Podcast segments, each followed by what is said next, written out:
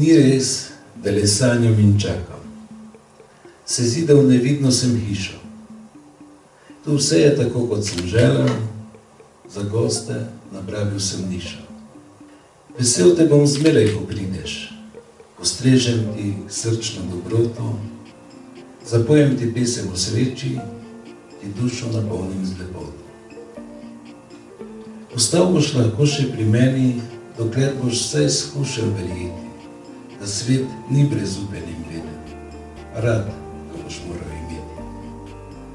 Ni res, da sem čuden in smešen, li vrt sem drugačen za sabo. Tudi rastejo rože besede, ta šopek iz njih sem napravil. S pesmijo Moja hiša Ferja Lanščka v izvedbi samega avtorja v knjižnici Ormo 6. aprila smo vstopili v novo knjižarjenje. Danes smo z vami Bernardka Viher, Marjana Korotaj in Marinka Vnuk, poezija Ferja Lanščka, gostje knjižničnih prireditev in številni predlogi za branje. Ferja Lanšček v spominu. Zakaj me še zmeraj zanima, kakšen sem v tvojem spominu? Se spomniš kostanjev na trgu, ki so jih malo podrli? Obrodili so tisto jesen kot nikoli. Med poljubom mi je padla na čelo ježica in se pokoma razletela. Bila je to prva ljubezenska bolečina. Gotovo se spomniš še česa, kar je potem bolj bolelo ali pa se ne spomniš. Morda so me slepe ribe spomina že zdavnaj požrle. Nič več ni ostalo, ker so bili nekoč rajski vrtovi. Z balkona v ulici Hunskega kralja so odleteli golobi. Še zmeraj jih vidim, kako se spremenjajo vrane. Moj nemir jih preganja in veter raznaša nad črnimi polji ti pa odhajaš, kot bi šla v kino ali mogoče k sosedi na kavo. Ampak spomni se, spomni, vse česa se spomni. Ne moreš pozabiti muce, ki smo jo zjutraj pobrali na cesti, kako je bila šipka in sama. Domov si jo nesla na prsi. Potem si je rekla pepelka, pepelka, pepelka, se spomniš bila je do konca pri meni. Nad njenim grobom sem pravil, da nič zares ne umre, dokler ne gre. In česa se spominjamo z knjižničnih dogodkov preteklih tednov? Knjižnico je obiskala Ana Vovk, doktorica znanosti z področja fizične geografije in varstva okolja, ter ustanoviteljica Mednarodnega centra za ekoremediacije, Inštituta za promocijo varstva okolja in ustanoviteljica učnega poligona za samooskrbo Dole, ki je spregovorila o vitalni samooskrbi. Zdaj, vitalna samooskrba se nanaša na način pridelave, kjer rastline rastejo brez kemikalij, brez pesticidov, brez uh, živalskega gnoja, ki ne bi bil kompostiran, brez sestavin, ki rastline delajo šipke. Namreč vse to, kar se na rastline s konvencionalnim kmetovanjem daje, rastlinam vzame energijo in potem, ko mi jemo tako hrano, sami imate dobro predstavo, kako ločite, če morate v trgovini kupiti neko zelenjavo, jagode ali kaj podobnega, kakšen okus ima tisto, ali pa to, kar sami pridelate, ki ni bilo pod nekimi tehničnimi postopki in te razlike so kar velike. Še bolj pa naše telo to razumeva, ker z doma pridelano hrano, ker smo tudi mi se sodelovali, ker smo imeli mi kontakt s temi rastlinami, je potekala izmenjava energij in rastline nam to vračajo nazaj. Zato niti slučajno prehranjevanje ni zgolj polnjenje fizičnega telesa z kakršno koli hrano, ampak je zelo pomembno, da je ta hrana čim bolj blizu naravi. Zato velja, da je najbolj zdrava divja hrana. Poznamo regrad. Potem je zdaj, če imaš, potem so trpoci, poznate to kratico krt, krt, koprive, potem rman, potem regrat, pa trpotec. To je uh, čudežna uh, štiri sestava in če to uživamo tedensko, eno drugo kombinacijo, telo dobi vse, kaj rabi. Tako žalostno na nek način, da so solate, ki jih vsi gojimo, najmanj produktivne za naše telo, ker solate vsebujejo 90 odstotkov vode.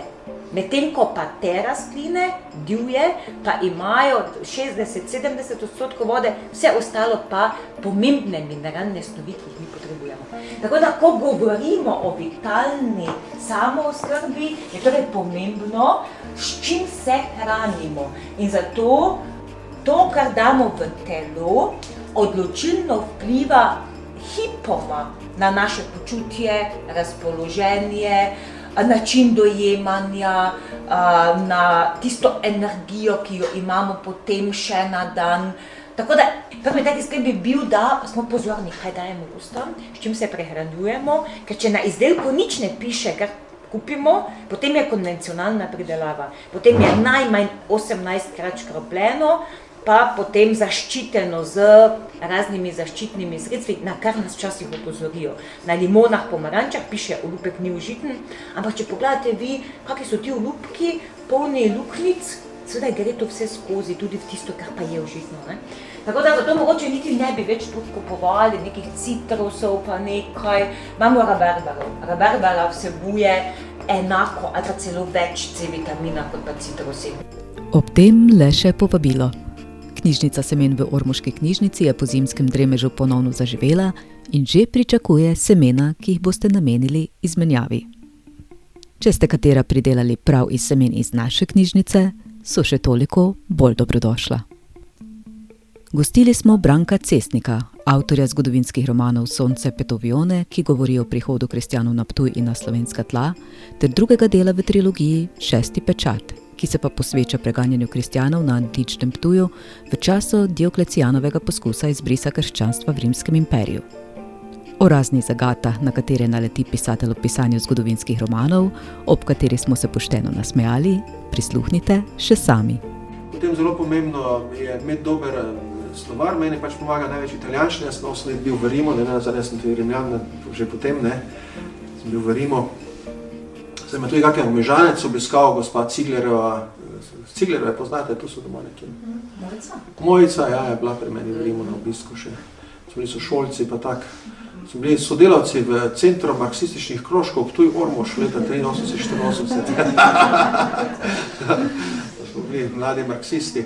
Ja, in torej, ja, potem jeziki pomagajo največ italijanščine, ker imaš pa potem ogromno, na spletu ogromno italijanskega materijala v rimskih časih. In potem rabiš podatke, recimo žep. Ne, jaz sem napisal tule v tem romanu, Sonce Petove, dirka. Ljudje se zberejo na štadionu, na hipodromu, 30 tisoč ljudi in seveda žepari. In dva vojaka, Flori in Floroni, se malo hecam, ta so malo, malo ironična lika, ne, imata nalogo, da se oblečete v civil in pazite na žeparje. In potem namesto, da bi konje gledala, morate gledati, ki so kakšni žeparji. Uh, in potem se zmenite, da eden konj je gledal, drugi pa gledal že parje, ne? in potem so to neke prigode. In potem uh, dirka, in potem mi pride dvom, čakaj, pa ker rimska obleka sploh bila žepe. čakaj, čakaj, ops, to problem. Že par je slovenska vesela, o, zdaj pa kje to najti, ne? Lahko rečem, da ok, en kovaški predpasnik si ga lahko predstavlja za žep, ampak redna obleka, toga, halje, a ne govori evangelij, da imajo denar v pasu, to ni že v pas zašit, pa mošnički, ne, mošnički. In sem napisal v en slovar Trekani, italijanski slovar, žep. Naj mi pove o žepu, ker ima zapisano pod gestom žep. Zdaj pa italijani imajo tako odlično, da ko neko stvar opišajo, vedno omenijo tudi rimski čas, skoraj vedno. V rimskem času bo tako, v srednjem veku tako, v srednjem veku. In hvala Bogu, takoj na začetku, v rimskem času, običajno obleke niso imele žepov. Oh, pa eh, postane eh, lingvistični problem. Kak pa zdaj, če ni žepov, tudi žeparja ne more biti, ne? Kaj, kaj so pa tisti? Ja, te pa sem dal zmikavti, ne? Vse žeparje ven zbrisalo, sem dal zmikavte notri, pa zlikovce in tak, ne? To so take stvari, ki, se ti zdijo malo picajzlaste, ne, ampak so pomembne, da si potem, čeprav delaš, na, še vedno reči napake, ne. Ne, en strokovnjak jih bo našel, ne. Recimo, jaz imel z živalmi pa z rastlinami probleme, veš čas. Sem imel ene zelo lepe podobe o, o recimo, žensko sem primerjal z uh, tole grlico, ne, grlico, ki se žrtvuje. Uh, grlica, to sem pri nas na dvorišču videl, da se ena grlica kotala po tleh, maček pa šel za njo in potem, ko je prišel blizu, je skočila stran. Ampak ne sem pazil, da je imela gnezdo tam je mačka dejansko vlekla stran, sama je se delala ranjena, da je mačka odvlekla, se rekel, kako materinstvo, ne? da je mačka odvlekla od gnezda. Jaz sem potem ta pojav videl, da obstaja še pri drugih pticah in sem rekel, da no, to bomo uporabil v romanu en ženski lik materinski. In sem začel to delati, Jaz sem rekel, da pa moram preveriti, če je grlica tako sploh bila v Sloveniji. Sem šel raziskovati in sem da grlica šele 250 let, lahko rečemo, da je v slovenskem okolju. Je pa bila v Mali Aziji. Ne, je pa bilo škoda te ideje, ne? In smo tem celotno idejo transportirali v eno drugo situacijo, v eno drugo žensko, v Malo Azijo. Ker so pa tako moji kristijani prihajali tam, ne? Da sem, da sem se držal tega, da grlic takrat ni bilo v centralni Evropi. In še bi lahko naštel, recimo... To se pravzaprav zelo dosti. Ja, ja, ali pa... Površnosti, ne, ko je to ponavadi pri pisci. Ti romani so očitno zelo dolgo nastajali. Ja, dve leti pa pol vsak, ne.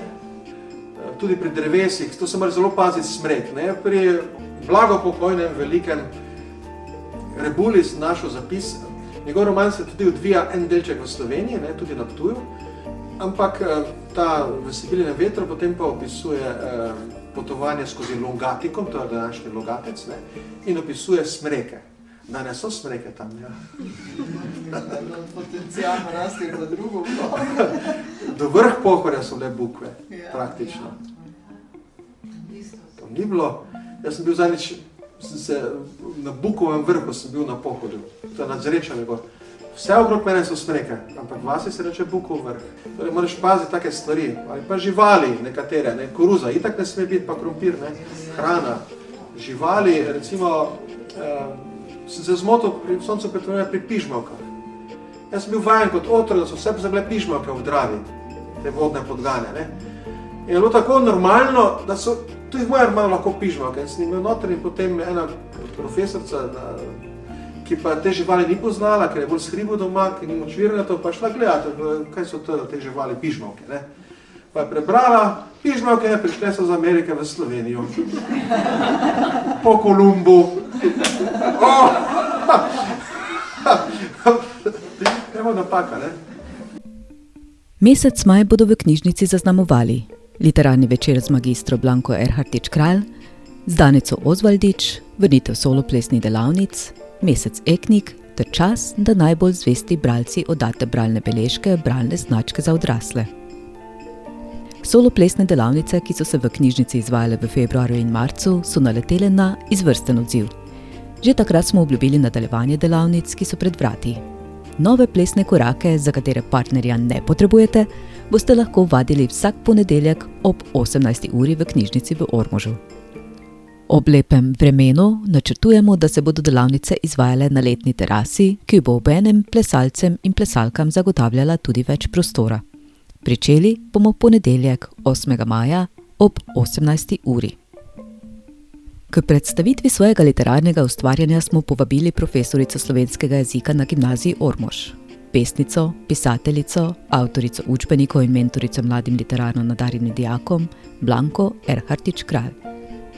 V četrtek 11. maja ob 18. uri bo avtorica pesniških zbirk Prosti pad in Dan, ki se ne more znočiti, ki je bila leta 2008 nominirana za Jenkovo nagrado, predstavila svojo najnovejšo pesniško zbirko Moč.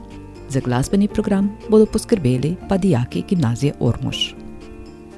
Četrtek 25. maja, tudi tokrat se dobimo ob 18. uri v knjižnici v Ormožu, bo pa posvečen Danici Ozvaldič, magistrici ekonomije tudi medijatorki, ki se pa že od gimnazijskih let ukvarja s pisanjem. Leta 2018 je išla njena pesniška zbirka Pesmi ime Svetloba, v letu 2022 pa njen prozni prvenec Krojenje tišine. biografski roman o življenju staršev Franca in Terezije, ki se začenja v 30 letih prejšnjega stoletja na Ormoškem. Desetletje pozneje ga pa zapiše njuna najmlajša hči.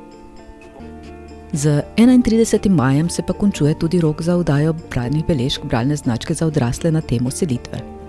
Oddate jih lahko v kateri koli enoti knjižnice, torej v Ormužu, Središču Dravi, pri Svetem Tomažu in v Ivankovcih. Torej, brž še po zadnje knjige, ki še vam manjkajo seznama. Le pet jih potrebujete za upravljeno bralno značko. Vaš trud bomo nagradili z majhno pozornostjo ter zaključno prireditvijo z literarnim gostom. Vabljeni k branju. Majski dnevi bodo v knjižnici posvečeni e-knjigam. Običajno pod imenom e-knjige pomislimo le na knjige, ki jih je moč brati le na elektronskih napravah. A e-knjige so tudi knjige, ki jih je moč poslušati, torej zvočne knjige. Čeprav je treba priznati, da nas je veliko bralcev pristranskih in še vedno prisegamo na neprecenljiv von knjige v rokah, občutka papirja pod prsti in vznemirjenje ob vsaki strani, katero z nestrpnostjo obrnemo in se bližamo koncu zgodbe. Manjkrat nam pa pride v zavest spoznanje, da so e-knjige odprle svet branja širšemu krogu ljudi. Naprimer slepim, slabovidnim ali enostavno tistim, ki raje poslušajo zgodbe, kot pa berejo. Pa tudi na praktičnost ni za pozabiti. Na stotine knjig, vedno na voljo za branje, na eni sami napravi, telefonu, e-bralniku, tablici, računalniku. Potrebuješ le elektriko, da jih napolniš, ter majčkeno znanja. In če slednjega nimate, smo na voljo v knjižnici, da vam ga priskrbimo. V sredo 10. maja bomo za vse vas, ki vam e-knjige, torej elektronske knjige na Biblusu, ter zvočne knjige v aplikaciji Audiobook, še niso tako blizu, želeli pa bi se naučiti uporabe e-bralnikov, kako deluje Audiobook na telefonu ali tablici, kako se prijaviti v Biblus in kako izposoditi knjigo, seveda pa tudi izvedeti, katere e-knjige si lahko brezplačno izposodite kot člani knjižnice, ob 16. uri pripravili delavnico. Obiščete nas pa lahko tudi vsako sredo med 9 in 17 uro, ko vam bomo na voljo za individualno pomoč. Kar brez zadrege do nas, vedno radi pomagamo. Prvi del oddaje zaključujemo ponovno s Ferjem Lajnškom. Tokrat v izvedbi Lare Tušak, učenke 8. razreda osnovne šole Gorišnica, ki je kot gostja nastopila na Ferjevem literarnem večeru v Ormoški knjižnici. Po glasbenem premoru pa prisluhnite Bernardki Viher in Marjani Korotaj. Od vas se še zadnjič poslavljam Marinka Vnuk.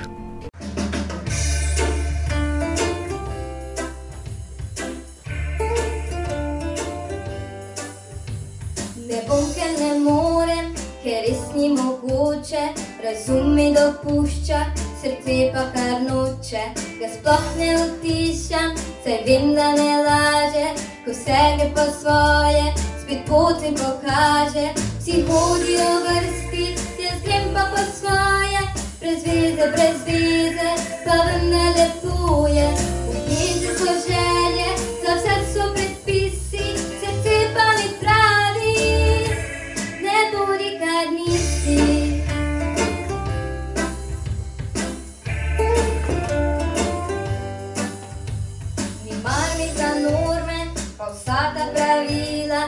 Ničesa ne rabim, želim si le krila. Letela bom zase, svobodna kot ptica, ne bo več dosegla, me vaša resnica. Vsi nosimo maske, jaz nočem se skriti, verjameš v sanje, želim le ljubiti. Ker je izložba, zvečer se napisi, srce pa mi pravi,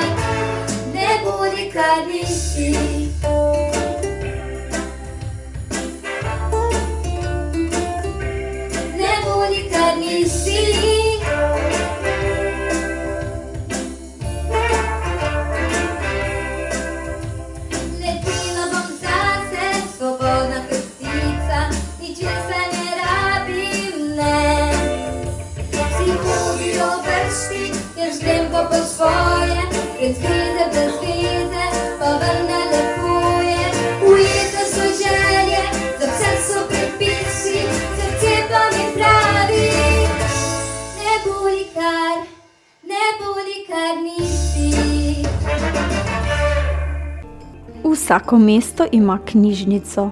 V knjižnici si izposodimo knjige, jih doma preberemo, vrnemo in si izposodimo druge. Knjižnica je včasih polna ljudi, včasih jih je malo manj, zgodi se tudi, da nikogar ni. Morda zaradi tega, ker je slabo vreme, ker imajo drugo delo ali pa se jim preprosto ne da priti. Samo knjige so vedno v knjižnici, kajti knjižnica je njihov dom. Pozdravljeni, dragi otroci in mladostniki. Tudi naše mesto Ormož ima tak dom, dom za knjige. In zares veseli smo, da ga imamo tudi pri svetem Tomažu, v središču ob Dravi in v Ivankovcih. V vseh drugih krajih pa ni tako. Tja se namreč knjižnica pripelje kar na kolesih.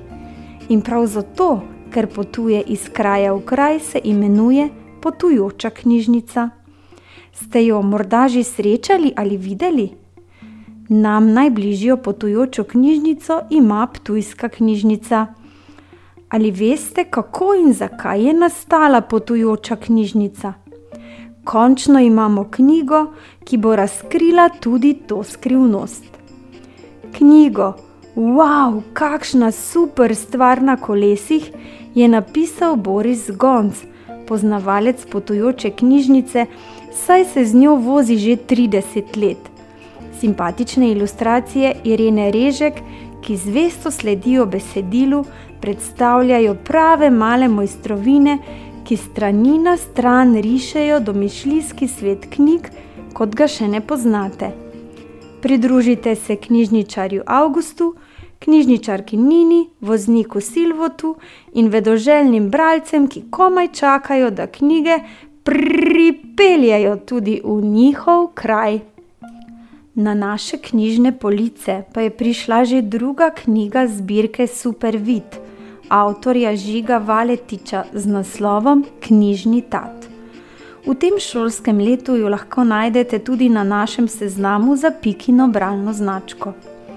Tako kot v prvi, se tudi v tej zgodbi glavni junak, slabovidni vid, ukvarja s čisto pravim detektivskim primerom, ko iz knjižnice izgine zadnji del Harryja Potterja.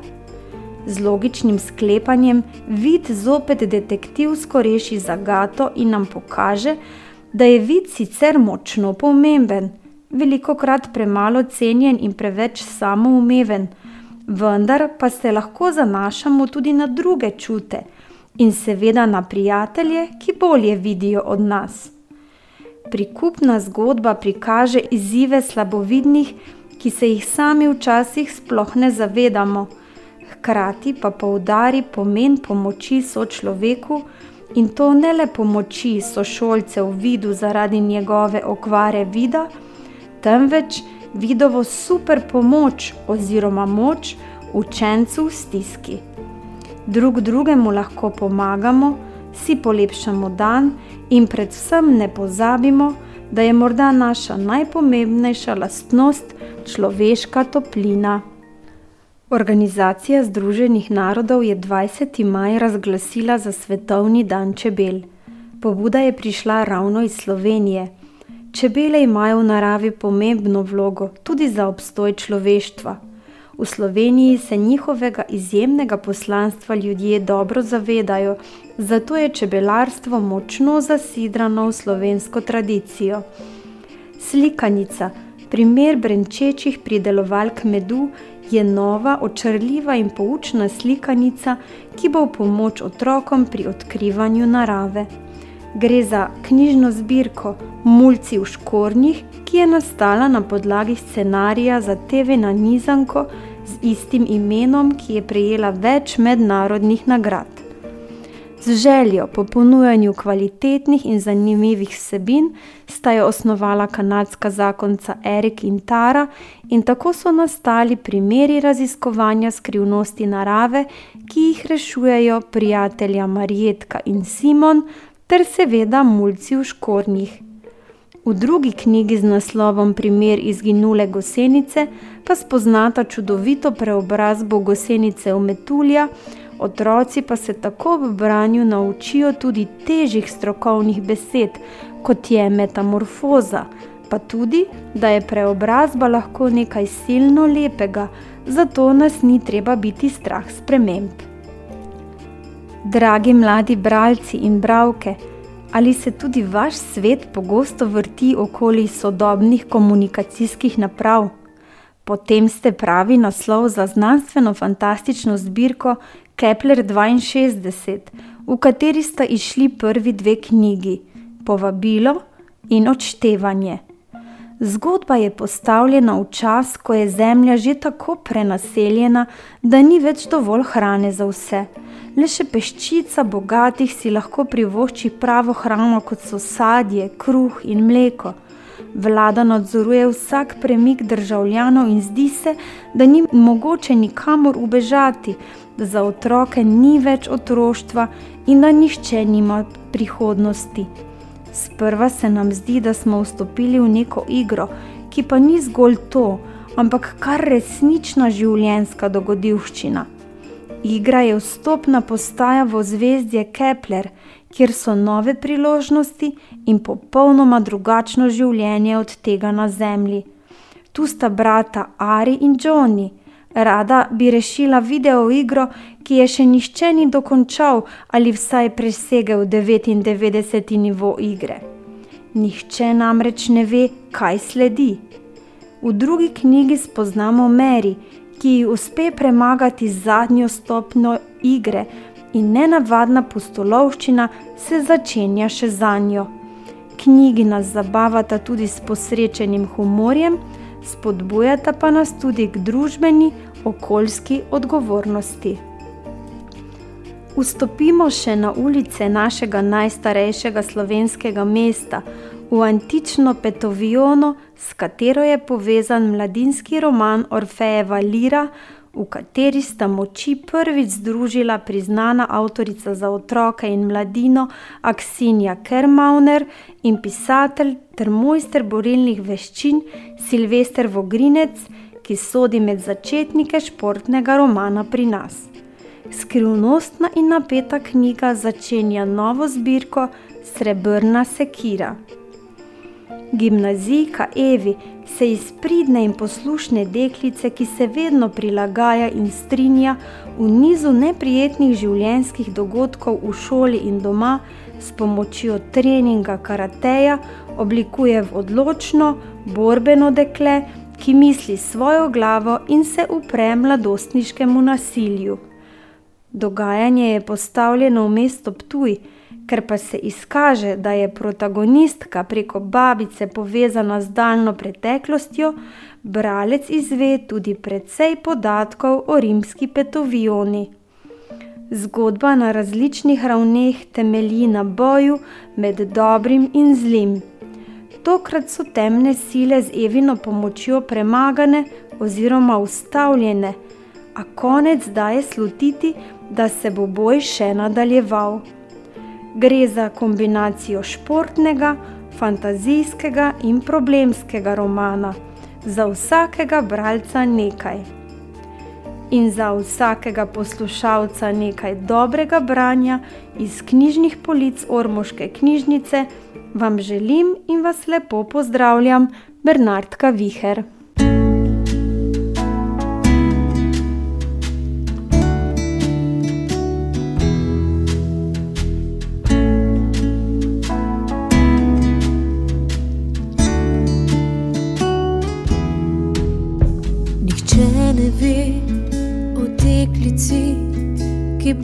Bosa gre čez travnike. Nihče ne ve o teklici, ki nemo tam čez reko zre.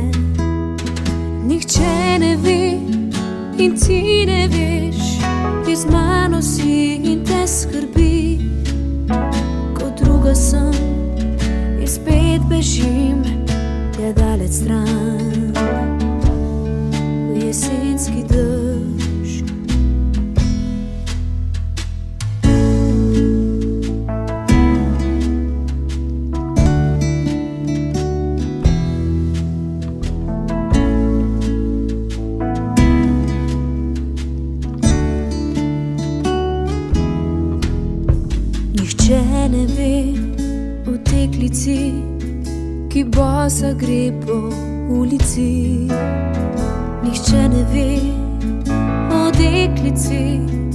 Zjutraj boli ime.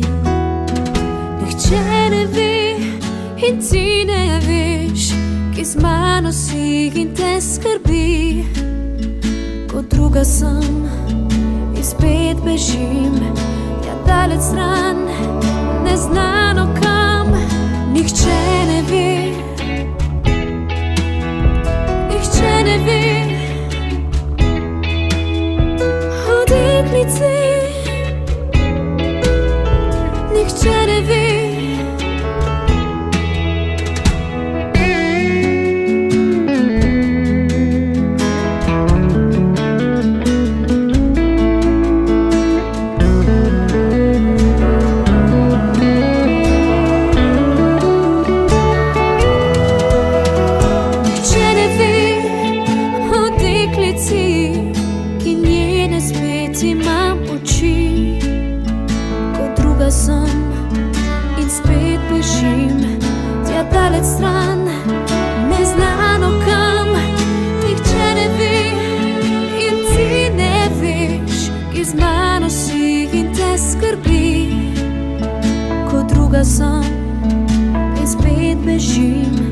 Tja daleč stran, v kraljestvu sem.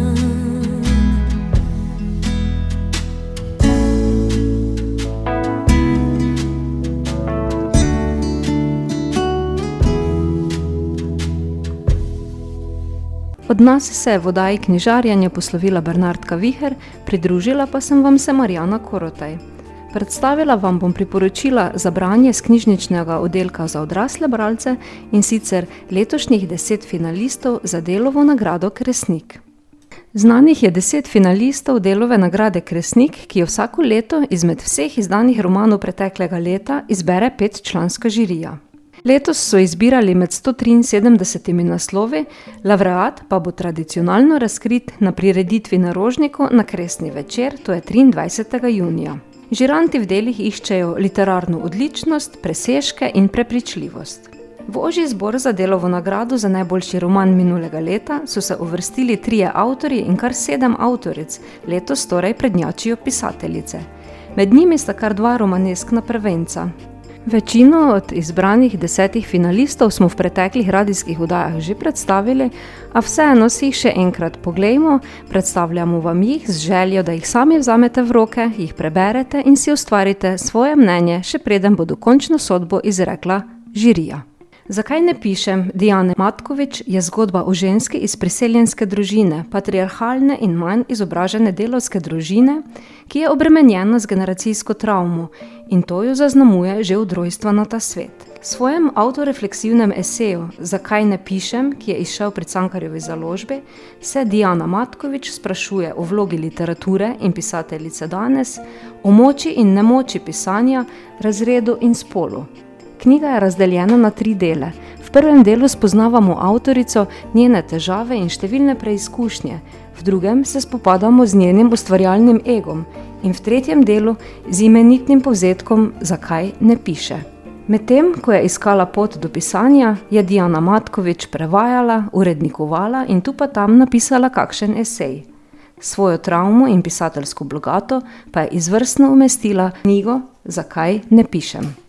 Na žirijo je s svojim romanesknim prvencem Materinska knjižica naredila močan vtis mlada pesnica in dramatičarka Katja Gorečan, ki je izdala nekoliko nenavadni poetični roman, ki govori o spontanem splavu v devetem tednu zelo zaželene nosečnosti.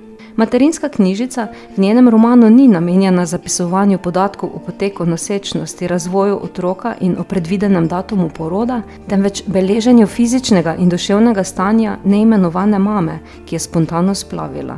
Nerojeni otrok dogajanje opazuje, tekoče pripoveduje in komentira z otroške perspektive.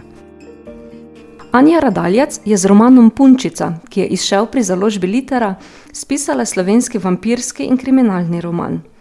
Ko psihiatrinja Lilit nekega dne pred svojim kontejnerjem na robu gozda zagleda paket s srhljivo vsebino, se prične iskanje storilca. In nič ni tako preprosto, kot se zdi na prvi pogled. Kočljivo situacijo začnejo zapletati še vaške straže, ki pohajkujejo po gozdovih, in vampirji, pravi in manj pravi. Delo, ki ga opredeljujejo kot distopični gotski ekohoror, se dotika vprašanj o ekologiji, javnem in zasebnem, spolu in spolnosti, kliniki, norosti in normalnosti, o nasilju, feminizmu in pravicah. Andraš Rožman je že leta 2019 s svojim prvencem dokumentarnim romanom Trije spomini bil nominiran za Kresnika. Ga bo osvojil svojim drugim romanom, prav tako izdanim pri založbi Goga Titov sin. Gre za zgodbo o prijateljstvu med brezdomcem Frenkom in novinarjem Klemnom, ki o njem piše knjigo. Klemen je pisec oglasov in bivši novinar, razočaran nad svetom, v katerem vladata denar in licemerstvo. Frank pa je občasni brezdomec, ki se je že večkrat znašel v psihiatričnih ustanovah, sicer pa je poln idej, ki se vedno znova izjalovijo. In želi si, da Klemen o njem napiše knjigo in upa, da bosta skupaj našla odgovor na vprašanje, kdo je njegov oče. Roman Andraža Rožmana je ostra in aktualna kritika enostranskega razumevanja normalnosti, hierarhičnih odnosov, prisilne marginalizacije in stigmatizacije norosti. Kriminalka Otok psov, izšla prej Lut literatura, je romaneskni prvenec Primoža Mlačnika. Otok psov ni tipična kriminalka. Je zahteven roman, v katerem je poleg kriminalnega dogajanja prisotna še kritika družbe in posameznikov, ki so videti dobri, čeprav to niso. Zgodba se odvija na otoku Gran Canaria, ko na oddelku za politične vede Univerze v Las Palmasu odjekne eksplozija, ki terja eno smrtno žrtev. Napeto, kritično in satirično zgodbo krojijo na ključja, spodletela in usodna srečanja. Pisateljica, literarna zgodovinarka in prevajalka Katarina Marinčič, med drugim prejemnica nagrad Kresnik, Fabula in Kritiško sito, je pri založbi Beletrina izdala kratek roman Ženska s srebrnim očesom. Protagonist romana je pisatelj Emil, ki se z novim kolesom odpravi na izlet. Ker neizmerno uživa v pokrajini, se ga odloči podaljšati in po prihodu na prelaz poišče prenočišče. Med samotnim sprehodom po čudovitem smrekovem gozdu sreča starko s polno košaro borovnic, a sredi okornega in rahlo nenavadnega pogovora jo zmoti uničujoča nevihta. Ko nevarnost mine, jo začne Emil iskati, da bi se prepričal, ali je ženska s srebrnim očesom, kot jo poimenuje, na varnem, a je ne najde več. V kratkem psihološkem romanu Katarine Marinčič Ženska s srebrnim očesom se na 150 straneh srečamo s kriminalko, satiro in grozljivko. Roman Na klancu, ki je šel pri Cankarjevi založbi avtorice Tine Vrščaj, je že nagrajen z nagrado Modra ptica leta 2022 je družinski in ljubezenski roman, ki se z dogajanjem trdno umešča v našo sedanjost, morda že tudi bližnjo prihodnost. V spredju je odnos med Evo in Gregorjem, ki z dvema deklicama živita na klancu in počasi spoznavata, da se njune temeljne vrednote ne ujemajo povsem. On je edini hranilec družine in zato odsoten pogosteje, kot si želijo. Hiša na hribu ni idealno bivališče, a omogoča vsaj prostor za skupno bivanje, potem pa se stvari začnejo zapletati. Iz hiše se bo treba izseliti in pod pritiski pokajo človeške vezi. Tina vrščaj v medgeneracijski zgodbi, ki se kot na cankarjevem klancu ponavlja vedno znova, Poleg ekologije in kritike družbenih omrežij prevprašuje tudi odnos med spoloma, vprašanja materinskosti ter zadene v samo bistvo današnjega časa in odnosov. Moški odhajajo, zapuščajo družino, ženska pa prevzema skrb za družino. Tudi naslednji roman izmed deseterice izbrancev za kresnika leta, roman Anne Schnabel Plima, ki je izšel pri Beletrini, je psihološko-kriminalni roman. Razdeljen je na 11 poglavij, ki mi sledi zaključni epilog, imenovan Oseka.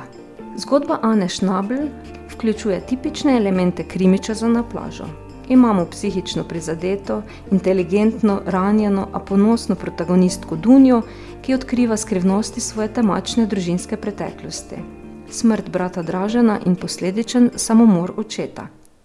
Na njenem popotovanju, kjer skuša kot popolna amaterka razrešiti skrivnost Draženove smrti, se zopet sreča z mnogimi ljudmi iz svojih otroških let. Naslednji favorit za nagrado Kresnik je pred kratkim preminuli dramaturg in profesor Lado Kralj s svojim zadnjim romanom Ne bom se več drsal na Bajerju. Pri Beletrini izdani roman je bil nedavno nominiran tudi za kritiško sito in Cankarjevo nagrado. V njegovem zadnjem romanu Ne bom se več drsal na Bajerju je dogajanje postavljeno v Šiško, kjer stoji znameniti grad Jama, opisuje pa izmišljene in resnične ljudi ter njihove dogodivščine v času italijanske okupacije pa vse do 50 let prejšnjega stoletja. Gabriela Babnik s vsakim novim romanom dvigne val. V romanu Tišina polna vetra, izdala ga je tudi založba Beletrina, opisuje razmerje med francoskim pesnikom Charlesom Baudelairem in njegovo muzo, temnopolto plesalko in igralko Jean Duval. Medtem ko večina Badlerovih biografov Jean obsoja, češ da je z varanjem, zapravljanjem denarja in dostavljanjem opija uničila velikega pesnika, jo Gabriela Babnik predstavi v novi luči. Ljubimka tukaj ni več mešanica ravnodušne, na vse pripravljene in pokorne ženske, ki spodbuja nagone francoskega moškega, ampak gre v njunem razmerju za pristno srečanje med likoma in avtorica njun odnos predstavi kot igro moči med protagonistama. Tako, v tokratni radijski oddaji knjižarjenja smo vam predstavili po mnenju žirije delove nagrade Kresnik deset najboljših romanov preteklega leta in izbor bodo žirantje 23. maja skrčili na polovico. Dragi poslušalci, vabimo vas, da se oglasite v knjižnici, preberete dobro knjigo, si sposodite kakšen DVD, CD ali časopis in se nam pridružite na literarnih dogodkih. Prišli smo do konca majske oddaje Knjižarjenje, ki jo v sodelovanju z Radijem Prlek pripravljamo vsak mesec. Z vami smo tokrat bile knjižničarke knjižnice Franca Ksaura Meška Ormož, Marinka Vnuk, Bernardka Viher in Marjana Korotaj. Se slišimo spet prihodnji mesec. Nasvidenje.